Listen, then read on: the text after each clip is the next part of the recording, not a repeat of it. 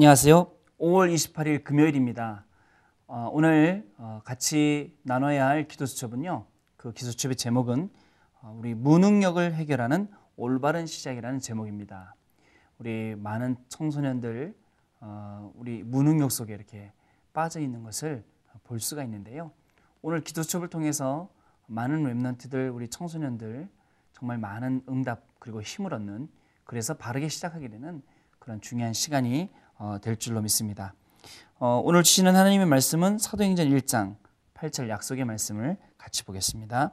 오직 성령이 너희에게 마시면 너희가 권능을 받고 예루살렘과 온 유대와 사마리아와 땅 끝까지 이르러 내 증인이 되리라 하시니라.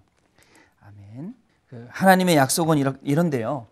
우리 간혹 어, 만나게 되어지는 렘넌트들과 대화할 때 대화를 하다 보면 나도 모르게 막 힘이 빠지려고 할 때가 종종 있습니다. 우리 랩런트들 하나님이 주시는 이 언약을 붙잡고 정말 모든 것을 다 할 수 있는 그러한 위치에 있음에도 불구하고 너무 무기력하고 무능한 것처럼 보일 때가 바로 그럴 때인데요. 아, 그렇지 않습니다. 우리 랩런트들 오늘 조금만 생각을 바꾸고 오늘을 최고로 도전하는 하나님이 주시는 힘 갖고 새롭게 시작하는 아, 그러한 귀한 시간이 되었으면 좋겠습니다. 어, 성령 충만을 받아 권능을 받고 땅 끝까지 증인이 되리라고 예수님께서 말씀을 하셨습니다. 이 말씀을 언약으로 붙잡지 못하면 말로만 그치게 되고 어, 우리는 정말 말로만 하나님의 자녀, 말로만 렘넌트 이렇게 어, 되게 됩니다. 자, 현재 기독교인의 큰 문제는 실속이 없는 것 바로 이것인데 우리는 이런 문제 속에 있으면 안 되겠습니다. 실제로 하나님이 말씀 주신 이 말씀들이 나의, 내 것이 되고 이 속에서 정말 많은 것들을 찾아내고 하나님이 주시는 힘 그리고 하나님이 우리에게 주시는 이 응답과 역사와 능력들을 우리 현장 가운데 우리의 것으로 발견을 해야겠습니다. 자, 그렇다면 우리는 어떻게 해야 올바른 시작을 할 수 있을까요? 정말 올바른 고민인데요. 이런 고민을 하면서 오늘 하나님이 우리에게 주시는 답도 찾아내고 하나님이 주신 힘으로 회복되어지는 그래서 바르게 시작하는 그런 귀한 시간이 되어야겠습니다. 첫 번째로 무능 해결입니다. 대부분의 사람은 개인의 문제를 해결하지 못해 무능에 빠져 있고 무기력해 있습니다. 부모님이 이런 문제 속에 너무 무능, 무기력 속에 빠져 있는데 우리 랩런트들은 나는 절대 그러지 말아야지 보고 자라면서도 어느 순간에 자기도 무능해 있고 무기력에 빠져 있는 것을 발견하고 막 실망하는 경우가 있는데요. 오늘 정말 중요한 응답을 받아야겠습니다. 그리고 중요하게 자신의 정체성도 찾는 그런 시간이 되어야겠습니다. 이 문제를 해결하지 못하면 항상 어렵게 되고 그 어려움이 계속 따라오게 되는 것입니다. 교회는 부흥할 수 없게 됩니다. 결국 더 큰 영적 문제가 오게 되고요. 계속 방황하다가 결국은 비참한 인생이 되는 것입니다. 그러다가 또 여러 가지 영적 문제가 오면 시달리는 인생이 돼서 더욱더 비참하게 인생을 살아야 됩니다. 그래서 예수님께서는요, 무능을 해결하려면 성령 충만을 받으라고 하셨습니다. 하나님이 주시는 성령 충만을 받으면 됩니다. 나는 무능하지만 나와 함께 하시는 나와 임마누엘 하시는 하나님은 완전하신 분이고 그 하나님께서는 이 천지를 창조하시고 모든 것을 다 가지고 계신 분입니다. 이분께서 우리에게 성령 충만을 받으라 라고 말씀을 하신 것입니다. 성령 충만이 오늘 우리가 가진 무기력, 우리가 가진 무능, 이 모든 것들을 이길 수 있는 방법인데 오늘 성령 충만으로 모든 무능을 이기고 새롭게 시작하는 응답이 바르게 시작될 줄로 믿습니다. 이 언약을 붙잡고 우리는 무능을 해결해야 합니다. 두 번째로 초대교회 올바른 시작입니다. 초대교회 마가다락방에서 시작한 복음 운동을 우리는 분명히 회복을 해야 합니다. 마가다락방에 모인 사람들 보면 그리스도에 대한 확신과 복음을 위해 생명을 건 사람들 이러한 사람들이 중요하게 모여서 이 복음 운동을 했다는 것입니다.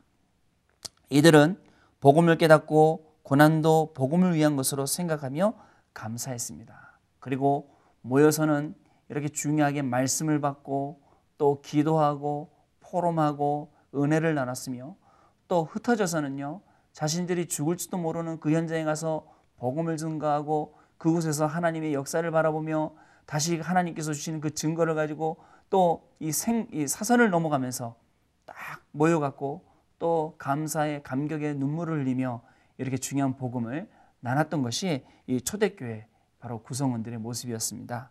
자, 이 기쁨은요, 어, 성령 안에서 기도로 이어졌고 오직 전도를 위해서 자신을 헌신했는데 이렇게 시작한 초대교회는 로마와 세계를 살리게 되었습니다. 오늘 우리 현장의 많은 문제 또 현실 가운데는 환경들도 있습니다.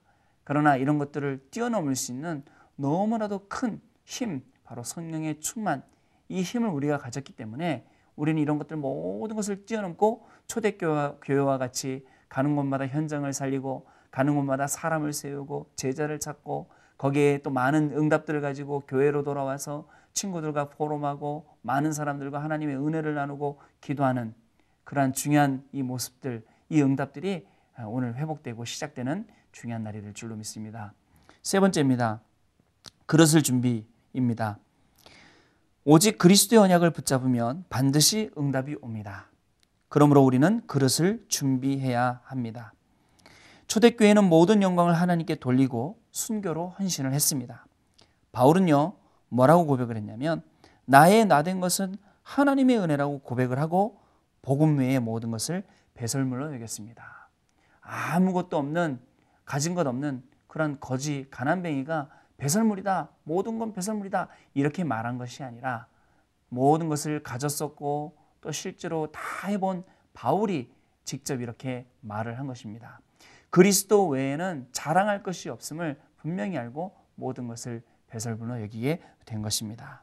그리고 강함이 사람에게 있지 않고 하나님께 있으며 십자가 외에는 내가 아무것도 말하지 않겠다라고 고백을 한 바울의 모습을 우리는 볼 수가 있습니다. 그렇습니다. 우리가 이 믿음을 가지고 큰 그릇을 준비하면 하나님의 놀라운 역사가 우리의 현장과 우리의 일 속에서 분명히 일어나게 될 것입니다. 오늘 하나님이 주시는 중요한 힘, 이 성령 충만을 힘있고요. 우리와 임마누엘 하시는 하나님께 주시는 이 중요한 힘을 가지고 정말 나 자신을 살리고 나의 모든 무능력을 깨뜨려 버리고 그리고 환경을 뛰어넘고 문제를 뛰어넘어서 하나님이 우리에게 주신 중요한 응답들 발견하고 이것을 누리는 증인의 모습으로 살아가는 귀한 하루가 시작될 줄로 믿습니다. 오늘 포럼의 주제입니다. 그리스도의 비밀을 체험했나요? 초대교회 마가다락방에 모인 사람들처럼 오직 그리스도가 된다면 반드시 승리하게 됩니다.